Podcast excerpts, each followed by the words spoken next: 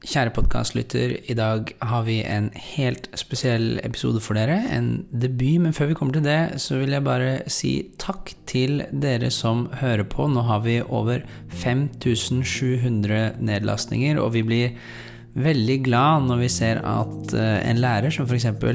Hanna Drisprong legger ut kommentar på episoden om religion og musikk, om hvordan dette kan brukes i undervisningen, og deler det med andre lærere.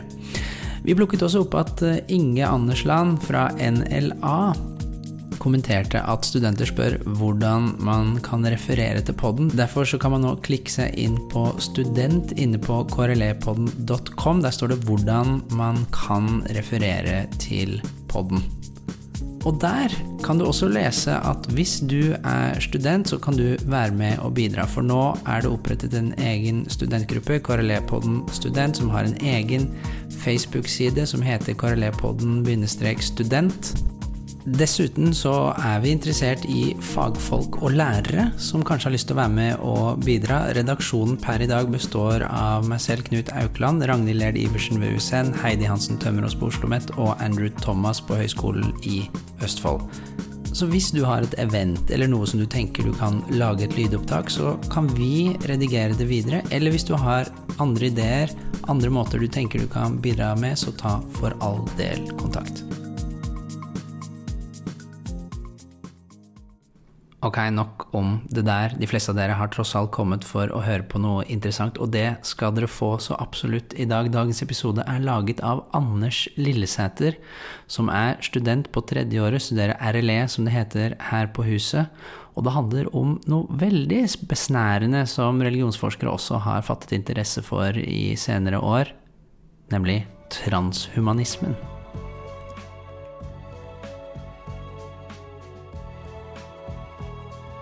Hjertelig velkommen til en ny episode fra KRLE-podden. Og denne gang står studentgruppen for produksjon. Ansvarlig for denne episoden er meg, Anders Lillesæter. Og temaet vi skal fordype oss i denne gang, er transhumanisme.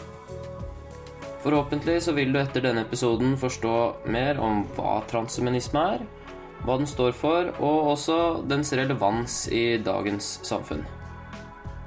Og til dere som er lærere eller lærerstudenter, håper jeg den vil være til inspirasjon og hjelp for din undervisning. For anledningen intervjuet jeg filosof, lærer og transhumanist Ole Martin Moen. God lytting.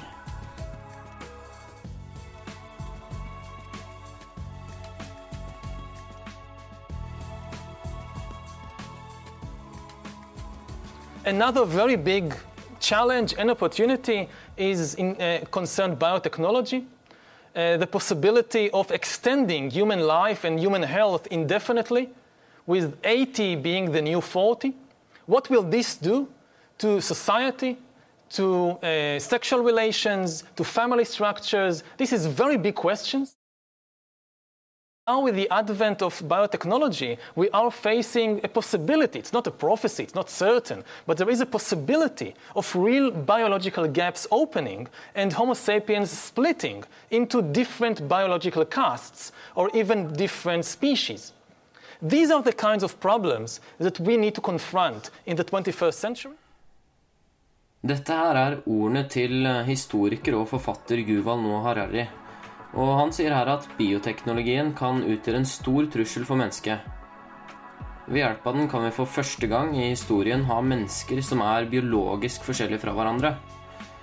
Ole Martin Moen, som dere skal få møte nå, skal forklare oss hvorfor transhumanistene mener vi nettopp bør undersøke og etter hvert bruke bioteknologi for å forandre mennesket slik det er i dag.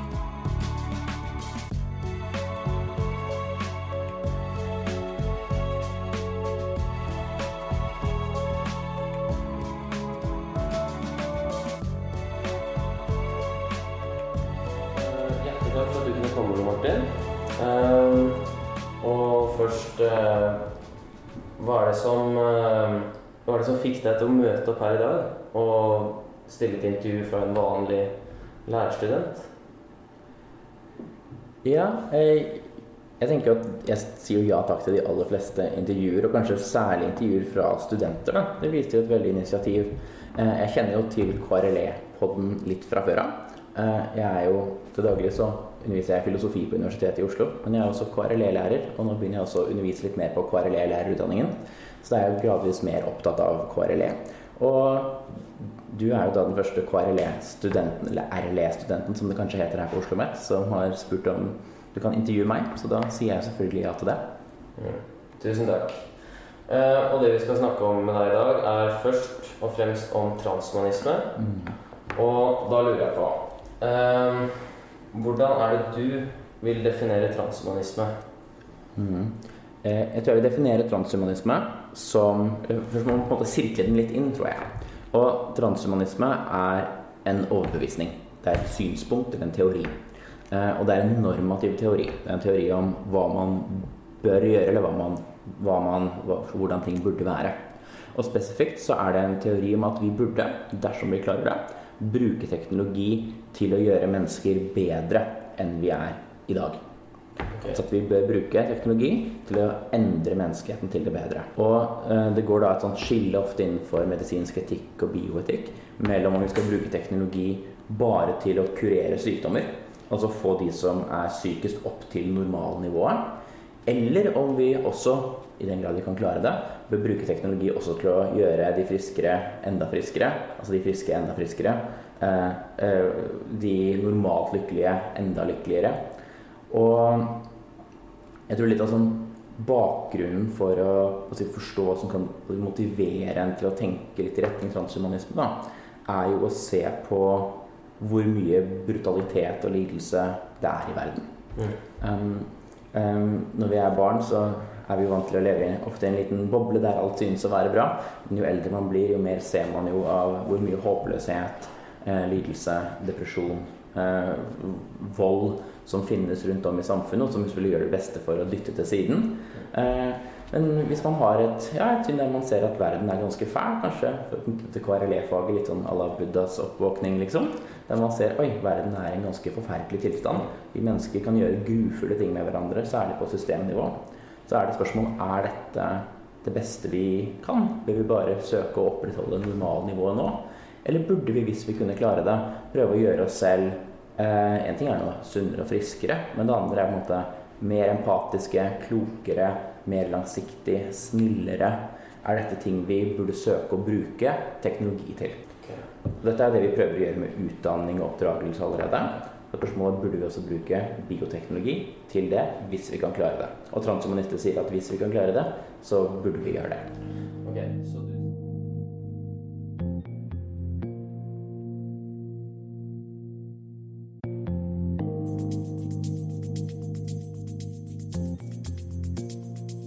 så det, det transhumanister vil være imot, er de som sier at nei, vi, vi, bør, ikke, vi bør aldri bruke teknologi eh, for å, noe annet enn å kurere sykdom. Eh, noen vil si tilbake at ja, men dette er eugenikk f.eks. Eller dette, er, dette kan, kan vi ikke gjøre. Det vil transkommunister si det er mange teknologier som vi ikke bør ta i bruk, som er veldig skumle. Eh, eh, mange av de gode teknologiene kan også brukes på skumle måter. Eh, helt, helt klart. Men hvis vi kan få det til, da, så hadde det vært bra. Vi kan ikke prinsipielt avvise slike ting. Så jeg mener jo, mitt eget syn er jo de verdiene som vi uansett prøver å, prøver å fremme i samfunnet, som langsiktighet, gjensidighet, empati, eh, kjærlighet for den saks skyld, disse godene da, er ting som har et biologisk opphav i oss. Eh, De er i noen grad genetisk styrt, i noen grad styrt av selvfølgelig mange andre faktorer også. Men vi burde søke å bruke da, arsenalet av teknologier vi har, for å søke å fremme et bedre samfunn. Ok, Jeg skjønner. Så ved bruk av uh, genteknologi eller CRISPR f.eks., så skal vi kunne uh, styrke de gode sidene ved et menneske. da. Altså Du snakker tenke langsiktig og være mer empatiske. Mm -hmm. uh, sånn at vi kan forbedre verden rundt oss da, og gjøre det et bedre sted for flest mulig mennesker. Mm. Det liksom- Og gjerne for flest mulig dyr også. Ja. Jeg synes jo En av de si, mindre flatterende sidene ved mennesker er jo hvordan vi behandler dyr. Eh, som vi tidvis behandler på grufulle måter. Eh, vi holder dem i små bur og dreper dem og spiser kroppene deres, noe jeg syns burde være langt under på si, menneskehetens verdighet. Men det er noe vi gjør. Og jeg tror vi mennesker er veldig flinke til å ikke se resultatene av vår egen brutalitet. Vi stenger det borte bak vegger. Vi, vi søker å lage en, et sånt litt rasjonale om at jo, det er nok til det beste likevel. Eller kanskje de andre vesenene på jorda ikke er bevisste sånn som oss. Ja. Vi er veldig flinke til å på en måte ikke til å lukke, dytte ut da, det, si, ja, vår egen brutalitet og hensynsløshet. Mm. Men igjen, det er viktig å understreke at transhumanisme er ikke en slags naiv teknologioptimisme.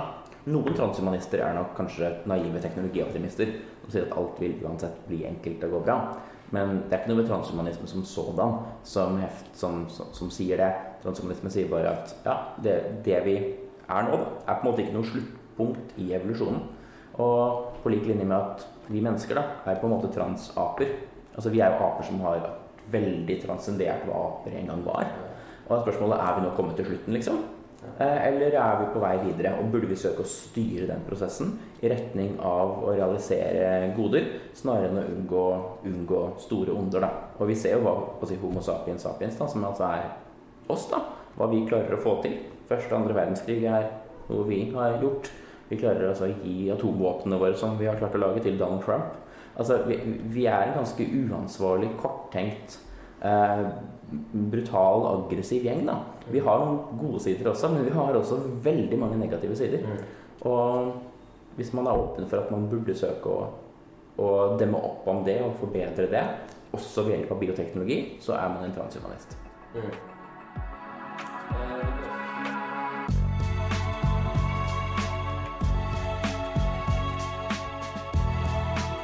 Men det vi stort sett har gjort, da, er jo å endre omgivelsene rundt oss. Og å korrigere sykdom i oss. Men spørsmålet bør vi også korrigere ting og endre ting i oss som ikke er korreksjon av sykdommer. Mm. Det er på en måte det transhumanistiske Ja, spørsmålet. Så det å på en måte Noen ting er liksom midt imellom, da. Altså kontaktlinser, hvis du ser Det er en sykdom, da, men det er noe som ligger på oss. Briller ligger jo litt lenger utenfor. Kikkerter og sånn ligger jo for spesielle formål lenger ut. Men er det et prinsipielt skille da, som sier at, at, at ting som har med psyken å gjøre, eller har med inni kroppen vår å gjøre, det bør vi ikke gjøre noe med, annet for å korrigere de som ligger under normalen, opp til normalen.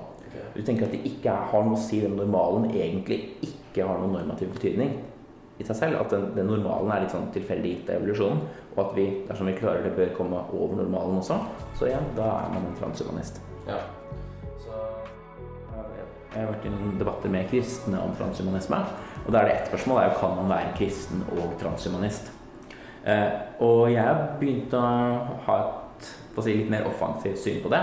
Som er at det går ikke an å være kristen uten å være transhumanist. Alle kristne er transhumanister. De ønsker jo legemets oppstandelse og det evige liv.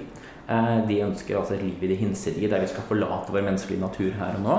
Og i Johannes' åpenbaring står det jo at døden skal ikke være mer, ei heller skrik eller sorg eller smerte. Altså som er dette, denne tilstanden som skal realiseres da, i fremtiden, der vi slutter å være mennesker slik vi er nå.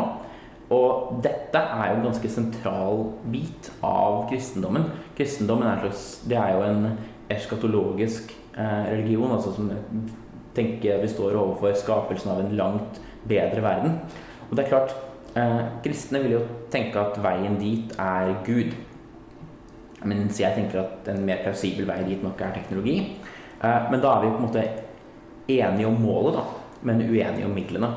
Og jeg tenker at hvis man tenker at den, den, beste, eller den beste fremtidige verden er en verden der menneskenaturen er mye bedre enn den er i dag, eller vi kanskje har sluttet å være mennesker og er noe bedre Hvis man mener det, så er man en transhumanist. Og derfor er alle kristne transhumanister. Hvordan kan eh, transhumanisme gjøre menneskelivet bedre? Ja, jeg vet ikke om transhumanisme som sådan under, men disse teknologiene kan jo gjøre menneske, Ja. menneskelivet bedre. Og kanskje vi kan komme til de teknologiene hvis flere blir transhumanister. Um, vi kan, hvis ting går veldig bra, da, så vil vi jo kunne leve lengre liv.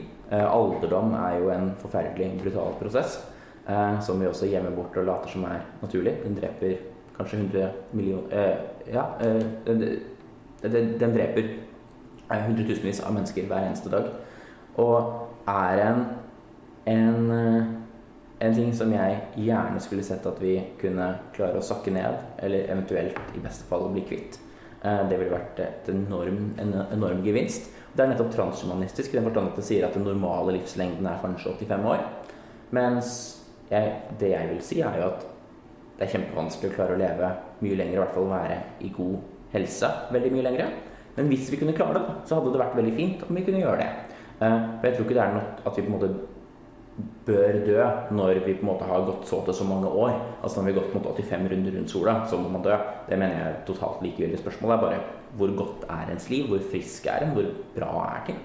Eh, og vite at man kan være frisk, vital videre. Så, så, så ser jeg ingen grunn til at kronologiske år, så hvor mange år som har gått forbi, skulle være relevant for om man skal ønske å dø. Det er på en måte den biologiske aldringen til organismen du er, som kan avgjøre om, om velferdsnivået er såpass bra at det er verdt å leve videre eller ikke. Så det er jo én ting som transhumanisme eh, kan gjøre. Eh, det jeg er kanskje mest opptatt av, er jo transhumanisme i forbindelse med eh, moral. Hvordan det kan kanskje hjelpe oss da, til å bli mer langsiktige, mer omtenksomme, mer upartiske. Um, dette er det kalles ofte moral enhancement. Um, og det er jo helt sant at vi vet veldig lite foreløpig om hvordan vi eventuelt kan bruke bioteknologi til slike formål. Men vi vet jo at alle disse egenskapene her har genetiske komponenter som styrer det. Eh, så det å kunne søke da, i det vi skal skape en ny generasjon av mennesker, da, og fremme de eh, genetiske egenskapene som i hvert fall gir opphav da, til å kunne ha de egenskapene som vi jo uansett gjennom skoleverket da, prøver så godt vi kan å, å fremme blant unge mennesker. Også, Man bør jo sette inn så tidlige tiltak som mulig. Og det tidligste tiltaket man kan sette, sette inn, er før fødsel. Uh, og det er et tiltak vi, som jeg syns det er rart da, at vi i dag er Veldig mange er imot på prinsipielt grunnlag. Og det er det transhumanistene utfordrer. Ja, fordi vi forsøker å eh, sette et sett med verdier eh, til elevene, da, for eksempel, eller til mm. barna våre, i, i, i, oppdragelsen. Mens transhumanistene da vil si at det er enklere om vi gjør det her med en gang ved fødsel, da. Ja, vi gjør det før fødsel, da. Ja, før. I det, i det, ja det, det, det, er veldig, det er veldig rart at vi En, en innsigelse som kommer til transhumanister iblant, er jo at ja, men vi må nøye oss med det naturen gir oss. Vi må ikke prøve å sette oss til herre over den. Vi skal ikke søke å forbedre på den. Mm. Men hvis man mener det, da, så er det litt rart å skulle ha ti års obligatorisk skolegang og i praksis 13 års obligatorisk skolegang for å søke nettopp å presse mennesker inn i et system der de skal bli gode på de og de måtene. Der de skal bli nettopp langsiktige, sosiale, de skal, de skal bli kloke, de skal bli alle disse tingene. Og det er ganske brutalt for barn også da, å bli kjørt gjennom et system som på en måte skal forbedre dem, da, eller skape dem på en viss måte. Eh, og jeg vil jo stille spørsmål tilbake til transhumanismens kritikere. da, Og spørre ok, gitt at, faktisk, gitt at vi er enige at vi skal fremme disse egenskapene. Hvorfor er dere prinsipielt imot å fremme dem også når vi skal velge hvilke nye liv vi skal skape? Mm.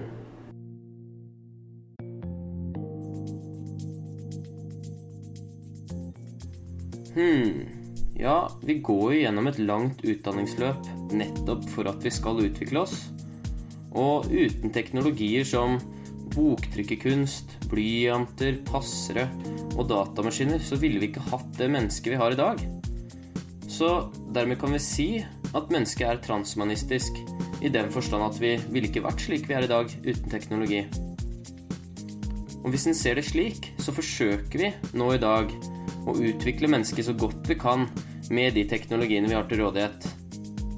Og dermed så blir det vanskelig å si imot transhumanismens tanke om å gjøre mennesket bedre og oppnå et visst ideal. Fordi det er jo nettopp det vi allerede gjør gjennom bl.a. skole. Men forskjellen er at transhumanistene vil forandre det som er i mennesket. Men målet er det samme. I hvert fall ifølge Ole Martin.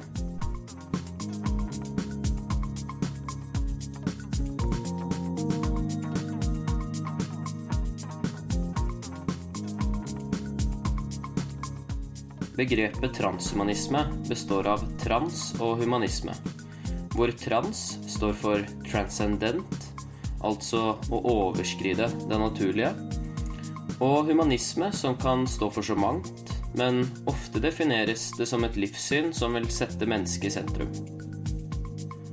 Hvordan kan transhumanisme sette mennesket i sentrum?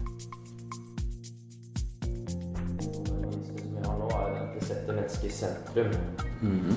Uh, hvordan uh, tenker du at transhumanismen kan sette mennesket i sentrum? At transhumanisme setter egentlig ikke mennesket i sentrum. Annet enn at mennesker jo selvfølgelig er, er oss. Så vi står jo på en måte i sentrum for hva, for hva man skal gjøre. Det er vi mennesker som driver med, med fag, med filosofi, med etikk.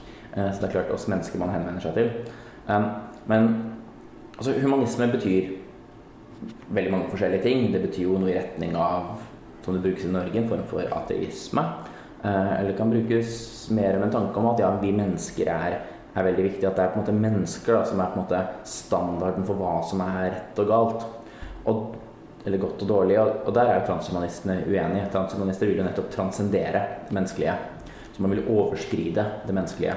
Um, og i den forstand kan man si at transhumanisme ikke er et humanistisk livssyn. Det, er et humanist, det, har, det har jo en, en, slags humanistisk komponent i den forstand at det er et sekulært syn på verden. Um, det er et syn som er opptatt av menneskelig velferd det er jo humanister, og det er jo transhumanister også. Men er det veldig viktig at de si, vesenene som finnes på jorda over de neste liksom, tusenvis av årene, da, er det viktig at de er mennesker? Altså at de er homo sapiens sapiens? Er det avgjørende? Og der vil jo transhumanister si at nei, det som er avgjørende, er om de vesenene som lever, har gode liv, og om de skaper gode liv for dem rundt seg. Ikke om de nødvendigvis er mennesker som sådan. Eh, så med tanke på eh, f.eks. klimakrisen da, som vi står overfor nå. Mm. Uh, tror du da at uh, ved bruk av genteknologi, hvor da får manipulert genene til å være mer omtenksomme, at vi da vil håndtere de problemene bedre? hvis dette er en prediksjon om vil vi da klare det, så kommer det an på ok, er vi suksessfulle med disse teknologiene. Men hvis du tenker da, av de, de menneskene i dag som er mest kloke, mest uh, unbiased, mest klartenkte om disse temaene, og som er mest opptatt av ikke bare sin egen velferd, men alles velferd. De menneskene finnes jo allerede. Slike mennesker. I noen grad. Burde vi, hvis flere ble som dem, hadde det vært bedre. Og det hadde nok vært bedre. og dette har jo ikke en tanke om at de som ikke er sånn, er mindre verdt, eller at deres lykke er mindre viktig. Det er bare at ok, det vi skal skape noe nytt, da, skape et nytt liv, kanskje vi skal søke å skape liv som har de egenskapene. Som vi uansett er enig i at er veldig bra, som vi ser etter i våre ledere, som vi ønsker at våre barn skal ha. Disse Hvis vi faktisk klarer da, å bruke eh, genteknologi til det, så hadde det vært veldig bra. Da må vi jo prøve, da. Da må vi jo bruke forskningen vi har på dette. Da, da må vi kunne forske på denne CRISPR-teknologien og prøve å, å, bruke den til å kunne kartlegge. Er, den er jo et kartleggingsverktøy i stor grad også, som kan brukes til å slå av og på gener for å finne ut hvilke gener styrer hva. Og per i dag så er det ekstremt strenge restriksjoner på hvordan man kan bruke CRISPR. På man kan bruke dette på å forske på, på mennesker, på befruktede menneskelige egg f.eks. Og her sitter man Og jeg syns det er så rart da, at det å eh, forske på befruktede menneskelige egg, som uansett ikke skal bli eh, til, til barn og til voksne mennesker, men som utelukkende er i laboratoriet her tenker man at det, dette kan, kan, man ikke gjøre. Man kan kun bruke overskuddsembryoer fra in vitro-fertilisering. Men gitt at vi tillater abort, da, så er det veldig rart at ting som i praksis bare er en abort da, på, på eh, fertiliserte eh, egg, altså på eh, blastocyster ofte, Hvorfor skal det være det, det være på en noe vi, et sted vi bare ikke skal gå? Et, et enda et problem for så vidt da, med Homo sapiens sapiens som vi er med nå, er at vi, vi har en en rar måte å tenke på moral.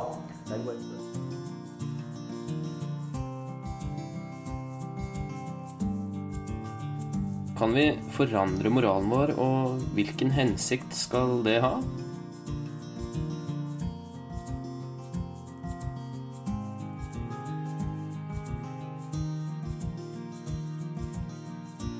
For dette, og klart å få mennesker til å åpne opp for hverandre mer, kunne samarbeide mer, så ville det vært et kjempegode for, for, menneskeheten.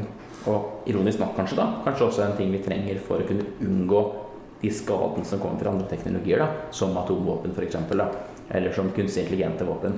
Eh, som kan være kjempefarlige biologiske våpen, for den saks skyld. Mm. Det En måte å se det på er jo at ok, vi har mye teknologi, og for å kunne håndtere all den teknologien vi nå har, da, så må vi også oppgradere oss selv. Eh, så jeg er liksom bekymret på menneskehetens vegne. Eh, når man på en måte ser hvor heftige våpen vi nå har. eh, og hvor utrolig dårlig vi er til å håndtere dem. Så jeg ser, tenker på oss mennesker litt som en fireåring som har funnet en pistol. Eh, og da må enten den pistolen bort, eller så må den fireåringen prøve å bli voksen ganske fort. Og transhumanisme handler på en måte om å bli voksen, fordi vi mennesker er på en måte alle bare barn. Ok, Så uh, for å kunne håndtere den kompleksiteten da, av problemet vi står framfor, ja. så vil uh, transhumanismen gjør oss mer kapable til å håndtere de problemene ordentlig? da? Altså Transhumanismen som sådan gjør oss ikke kapable til så veldig mye, for det er en ideologi eller en idé om hvordan ting bør være. Uh, men alle disse konkrete teknologiene som transhumanister i prinsippet iallfall vil være åpne for, vil kunne hjelpe oss til det. Eller vi må i hvert fall utforske potensialet da, som de teknologiene kan ha for å gjøre det. Og per i dag sier vi at nei, vi skal ikke gå dit uansett. Vi skal ikke se hva vi kan gjøre med det, fordi dette er galt, dette er eugenikk, dette skal vi ikke gjøre noe med. Og det er der transhumanistene sier at det kan endre rett at vi ikke klarer å gjøre noe med det, men la oss iallfall forsøke, da. La oss se hva vi kan klare å få til. La oss se om vi kan klare å gjøre oss selv til bedre, snillere, klokere vesener enn hva vi er i dag. Er du redd for at uh, uh, genteknologien og bioteknologien skal gå i feil hender? Ja, jeg er kjempe, kjemperedd for det. Uh, bioteknologi er, er, veldig veldig skummelt. Biologisk krigføring er noe jeg er veldig redd for. Det er spennende i samfunnsdebatten hvordan man på en måte er redd for sånne designerbabyer. Uh, som jeg ikke er redd for i det hele tatt. Det høres ut som en god ting. Mens biologisk krigføring, som jeg er kjemperedd for, diskuteres jo nesten ikke i det hele tatt i offentligheten. Så bioteknologi er et kjempe, kjempekraftig og egentlig kjempeskummelt verktøy. Det er bare at vi bør søke å bruke det til det bedre og prøve å gjøre oss selv da, mer kapable til å håndtere den type teknologi. Å ha disse korttenkte, brutale, aggressive, eh, veldig flokkmentalitetsstyrte vesenene som vi er i dag. Da. Det, det, det, er rett og slett farlig. Da. Det er en farlig kombo. Eh, å, å sette, sette, oss med dette, tilsvarende som med parallellen i stad, som å gi en fireåring tilgang til en pistol. Mm. Eh, fra 1.1.2019 så skal det utnevnes et utvalg, eh, Bioteknologirådet. Mm -hmm. eh, og det har vært en Facebook-kampanje som har samla rundt 100 underskrifter til støtte for at nettopp du skal utnevnes da, til det rådet. Eh, ja. Eh, har du noen kunnskap om hva arbeidsoppgavene til det rådet skal være? Altså Bioteknologirådet har eksistert i snart 20 år eh, og er, et råd som det er på en måte norske stats rådgivende organ for hva man skal gjøre med, med bioteknologi. Og det ledes nå av Kristin Halvorsen, som etter hva jeg vet skal, skal slutte som, som, leder av rådet. Eh, nå skal det, opp, skal det, oppnevnes nye medlemmer til rådet. Det velges nye medlemmer hvert fjerde år, har vært det da siden 90-tallet. Og um, og noen fremmet mitt kandidatur. Det var jo hyggelig. Eh, fikk, det var en del som, som, signerte dette brevet. Nå får vi se. Det er da Helsedepartementet som skal ta avgjørelsen om hvem som skal sitte i rådet. og De skal ta mange hensyn. Både med altså, en kjønnsbalanse, med en balanse av hva slags bakgrunn man har. Man skal på en måte akademikere, man skal ha altså, filosofer, vitenskapsfolk. Og da er det jo helt opp til Helsedepartementet om de ønsker å ha meg også med i dette, dette rådet. Så ja, nei, jeg, dette er jo ikke en dette dette er ikke en et populært valg på vanlig måte. Det er en oppnevnelse fra Helsedepartementet og, noen, og måten og ulike aktører, hvem som helst egentlig kan fremme forslag om det. Og det var vel da en 100 eller 150 personer som fremmet mitt forslag, og det setter jeg selvfølgelig kjempestor pris på. Mm. Og din uh, rolle i det rådet, uh, hvis det ville skje, da, at du ble en del av det utvalget, mm. ville det vært å uh, snakke frem teknologien og bruk av det? Nei, ikke nødvendigvis. Eh, jeg tror man må, det, det, å snakke frem teknologi, eller teknologioptimisme, da, er noe ganske annet enn transhumanisme. Eh, teknologioptimisme kan bare være at dette går uansett bra. Eh, og transhumanisme er mer at det er en liten sannsynlighet for at dette, eller i hvert fall en liten sannsynlighet for at dette kan gå ekstremt bra. Men det kan godt hende at de fleste mulige fremtider er ganske mørke. Det er jeg veldig åpen for at de er. Men at vi bør søke Jeg tror også det kan finnes noen ekstremt lyse fremtider der. da der, og vi bør på en måte søke å navigere oss dit. da. Så det er ikke en sånn tut og kjør-liberalisme. Eh, det er jo vi må bare la alle få lov til å drive med liksom, genredigering hjemme i sin egen kjeller, liksom. Nei, på ingen måte. Eh, og jeg, jeg, savner på en måte litt det, det perspektivet, da. Jeg savner jo også, også en Altså, det er ikke så en ting er at det er ikke noen transhumanister i Bioteknologirådet. Det andre er at det er lite si, filosofikompetanse i Bioteknologirådet. Det er en som jobber innenfor medisin og medisinsk etikk. Um, men jeg tror også det er viktig å på en måte løfte diskusjonene litt. da. Ikke bare til hva skal vi gjøre med hver nye teknologi som på en måte blir kastet litt på oss da, fra, fra innovasjonen som skjer, men prøve å ta et litt mer spørsmål. Ok, hvor, hvor er det vi vil, da? Ok, la oss si, Hvis ting går bra de neste 50 årene, hvordan ser det ut da? Hvor er det vi skal prøve å styre denne skuta hen? Eh, hva er det vi prøver å oppnå her? Og jeg tror det kunne vært bra om Bioteknologirådet kunne ta noen av de litt sånn større, overordnede diskusjonene. For nå er det mer Ja, her kommer det en teknologi, hva gjør vi med den? Her kommer det en ny, hva gjør vi med den? Og, og det, det, er litt vanskelig å vite da, hvor man skal på en måte styre den skuta, hvis man ikke vet hvor man skal hen. Det er viktig å vite destinasjonen sin. Da er det litt lettere å navigere. Og kunne løfte diskusjonen til litt mer av det. da, Og kunne skille mellom f.eks et transhumanistisk syn og et teknologioptimistisk syn, f.eks. Så noen transhumanister er teknologioptimister, men langt ifra alle.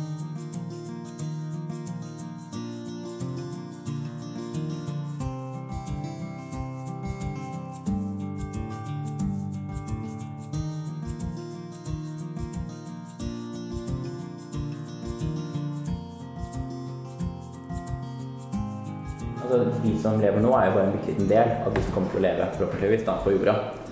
Og det er våre valg nå som skaper fremtiden. I en, annen, en helt genuin forstand så er det jo et valg, eller det å handle eller gjøre noe, er jo egentlig å velge en fremtid. Og derfor hva slags fremtid er det vi skal velge, da? Og noen fremtider er veldig mye bedre enn andre fremtider.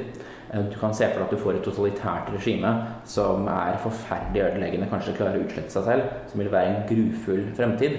Og du vil kunne ha fremtider som er veldig mye bedre, der vi mennesker kan ha det veldig bra med hverandre, der vi kan være friske, der vi kan slutte å behandle andre mennesker og ikke minst dyr dårlig. Det er, det er veldig mye som står på spill her, da. Og det å da Ja, skal du navigere en båt igjen, da, så kan du prøve å bare se rett foran båten hele tiden. Og bare Ja, er det skjær her? Er det skjær her? Hvor skal vi kjøre hen? Og det er klart viktig å identifisere skjærene rett foran også. Men vi må finne ut hvor er det vi faktisk skal hen. Hva er det som ville vært et bra sted å komme? Og uten det så blir den diskusjonen om hvordan vi skal styre akkurat her og nå, ganske hjelpeløs.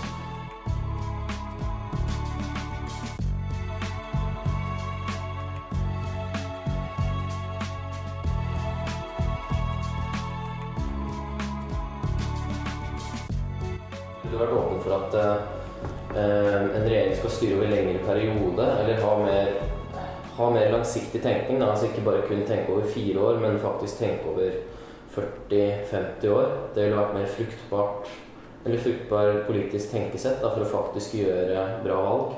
Um, det vet jeg ikke. Uh, jeg tror det finnes argumenter for og imot det. Man kan ha lengre perioder. Uh, noen, En måte å gjøre det på er jo at forskjellige biter av politikken har forskjellige tidsperspektiv. Uh, sånn som nå er det jo nylig utnevnelse av en amerikansk høyesterettsdommer. De sitter jo for resten av livet. Det vil si at Da kan de tørre å ta upopulære avgjørelser. For de ikke, trenger ikke å velges igjen. Mens andre deler av staten ønsker å være mer kortsiktig. For man ønsker jo ikke at folk skal sitte i en evighet heller. Men jeg tror ikke løsningene egentlig ligger i politikken. Jeg tror løsningene ligger i kulturen og hva folk ønsker og hva folk krever av politikere. Politikere gir folk det de har lyst på. Så hvis folk er veldig happy med bare å høre hva som skal skje de neste to-tre årene, så er det det politikerne prøver å selge oss. Og hvis folk ønsker politikere som skal snakke mer om det langsiktige, så er det det politikerne tilbyr. Så jeg tror det handler om hva er det Ja, jeg tror dette er mye mer, et mye mer kulturelt spørsmål enn det er et politisk spørsmål. Jeg tror politikken på en måte bare følger fra kulturen. da. Er, jeg tror ikke det er politikken egentlig som bestemmer så veldig mye. Politikken, Det er på en måte sånn, det er, det er, det er ikke rattet på bilen som bestemmer hvor man skal kjøre. Og Stortinget er litt sånn som rattet. Det er hvor folk vil at dette skal gå, som bestemmer hvor folk hvordan, hvordan denne skuta eller bilen skal styres. Ok, Så for å forandre kulturen, eller for å forandre politikken, så må vi forandre kulturen. Og for å forandre kulturen, så må vi forandre mennesket. Nja, det er mye vi kan gjøre. Jeg er jo tilhenger av utdanning, jeg er tilhenger av offentlig diskusjon. Jeg, jeg, men jeg tror på en måte at teknologi og bioteknologi er ett av mange, en av mange si, strengere da, som man bør spille på for å kunne nå disse målene.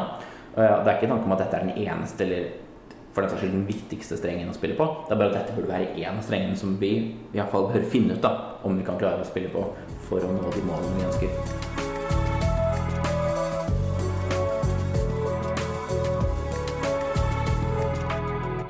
transhumanisme. Mm. Uh, burde jeg ha noen føringer for KRLE-faget? Jeg tenker transhumanisme bør i hvert fall KRLE-lærere, KRLE-lærerstudenter, eh, bør iallfall eh, sterkt vurdere å diskutere å sette seg inn i transhumanisme og diskutere transhumanisme da ute i klasserommet med, med sine elever. I KRLE-læreplanen så står det jo at eleven skal kunne beskrive hovedtrekk ved et livssyn utenom livssynshumanismen. Og da blir det ofte marxisme eller eksistensialisme eller naturalisme ofte, som er litt sånne um, Litt sånn vage, vanskelige kategorier for elever å forholde seg til. Hva er egentlig en naturalisme, f.eks.? Hva slags overbevisning er det? Men det står jo da ikke noe om at det skal være en av disse. Det står bare et hovedtrekk ved et livssyn utenom livssynshumanismen. Her er jo transhumanisme definitivt noe som er en mulig ting å velge å, å undervise i. Uh, og det er et veldig fint tema også å undervise i. Snakke om fremtiden. Hva tror eleven vil skje i fremtiden? De kommer til å leve om 50 år. Uh, hva tror de vil skje? Og ikke minst, hva er det som bør skje? Hvis ting går bra, hvordan ser det ut da? Hvis det går enda bedre, hvordan ser det ut da? Det er et veldig si, Jeg tror denne kan gi KRLE-faget mye mer sånn fremtidsfokus, da, som jeg tror er veldig bra. Uh, og det står jo også i KRLE-læreplanen at eleven skal drøfte verdivalg og aktuelle temaer i samfunnet knyttet til bl.a. teknologiske utfordringer. Og reflektere over filosofiske temaer knyttet til bl.a. natur og kultur, liv og død. Så det er veldig mange altså Det er flere læreplanmål i KRLE-faget som åpner for å kunne nettopp diskutere transhumanisme. Dessverre har ikke lærebøkene fulgt opp dette. Lærebøkene i, lærebøkene i historie og filosofi for videregående har nå et kapittel om transhumanisme. De som er fra Cappelen. Uh, mens KRLE-lærebøkene for si, barne- og ungdomstrinnet har foreløpig ikke det. Uh, men det er klart det er jo læreplanen og ikke læreboka som bestemmer hva man skal gjøre i klasserommet. Og eh, læreboka er bare et forslag fra et forlag til hvordan man kan gjøre det. Så her går det jo nettopp an å legge opp eh, eh ja, ja, spørsmålet i klassen hva, hva, hva, hva, bør vi bruke teknologi til? Hva, er, hva ville være bra? Og ikke minst er det spennende å knytte det opp mot religioner også. Altså, I hvert fall når man kommer på videregående, så er det spørsmål om religionsdefinisjoner, religionskritikk og slike ting. Og det er et spørsmål er transhumanisme en religion, f.eks. Eh, eh, på hvilken måte forholder transhumanismens litt sånn kanskje utopisme da, seg til religiøse utopier? Og det er jo spennende å kunne diskutere i klasserommet, ja, ja, ja. f.eks. Fordi det, transhumanismen, da, altså, du snakka om fordi da diskuterer man ok, framtida, og da blir det også diskusjon om hva det som vil være en god framtid, hva vil være en dårlig framtid. Ja. Da blir det også diskusjon om hva er, hva er, gode handlinger, hva er dårlige handlinger, hva er et ja. godt menneske, hva er et dårlig menneske. Altså Det kommer opp mange sånne ting om hva det er å være menneske òg, da. Ja. Um, så det er en veldig god inngang til filosofisk diskusjon. Da. Ja, det knytter jo sammen eh, på si faget. Eh, og dette er jo slik, Nå kommer det jo nye læreplaner, eh, fagfornyelsen som det kalles. Så lærere som studerer til å bli KRLE-lærere nå, kommer jo når de kommer ut i skoleverket, til en annen læreplan som skal vektlegge mer disse store spørsmålene. Eh, vektlegge mer kritisk tenkning, eh, i stedet for å ha dette si, religionshistoriske fokuset da, som har preget faget ganske lenge.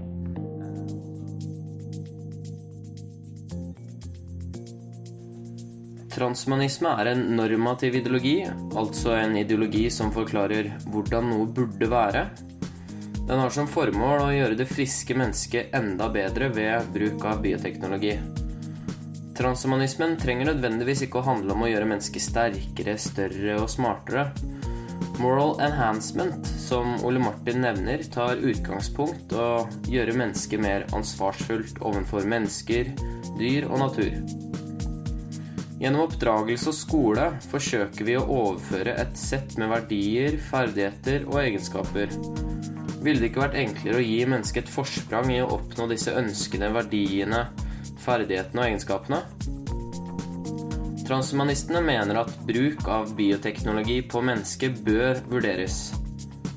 Ole Martin representerer fløyen av transhumanistene som ikke er teknologioptimister. Og den teknologien vi har i dag, er ikke kapabel til å oppnå utopien til transhumanistene. Som Ole Martin nevner, trenger en mer forskning på feltet. Denne episoden går mot slutten, så for deg som er KRLE-lærer eller student, så håper jeg denne podkasten ga nyttig lærdom om transhumanisme, og ikke minst inspirasjon til å inkludere transhumanismen i undervisning. Til deg som verken er lærer eller lærerstudent, så håper jeg den var nyttig og interessant. Jeg heter Anders Lillesæter, og jeg representerer studentgruppen til KRLE-podden. Ansvarlig for musikk er Lee Roosevelt, og takk for at du hørte på KRLE-podden. Besøk gjerne vår hjemmeside krlepodden.com. Og hvis noen av dere der ute er interessert i å være med å lage podkast, så er det en lukka gruppe på Facebook som heter KRLE-podden student. Og der er du hjertelig velkommen til å bli med.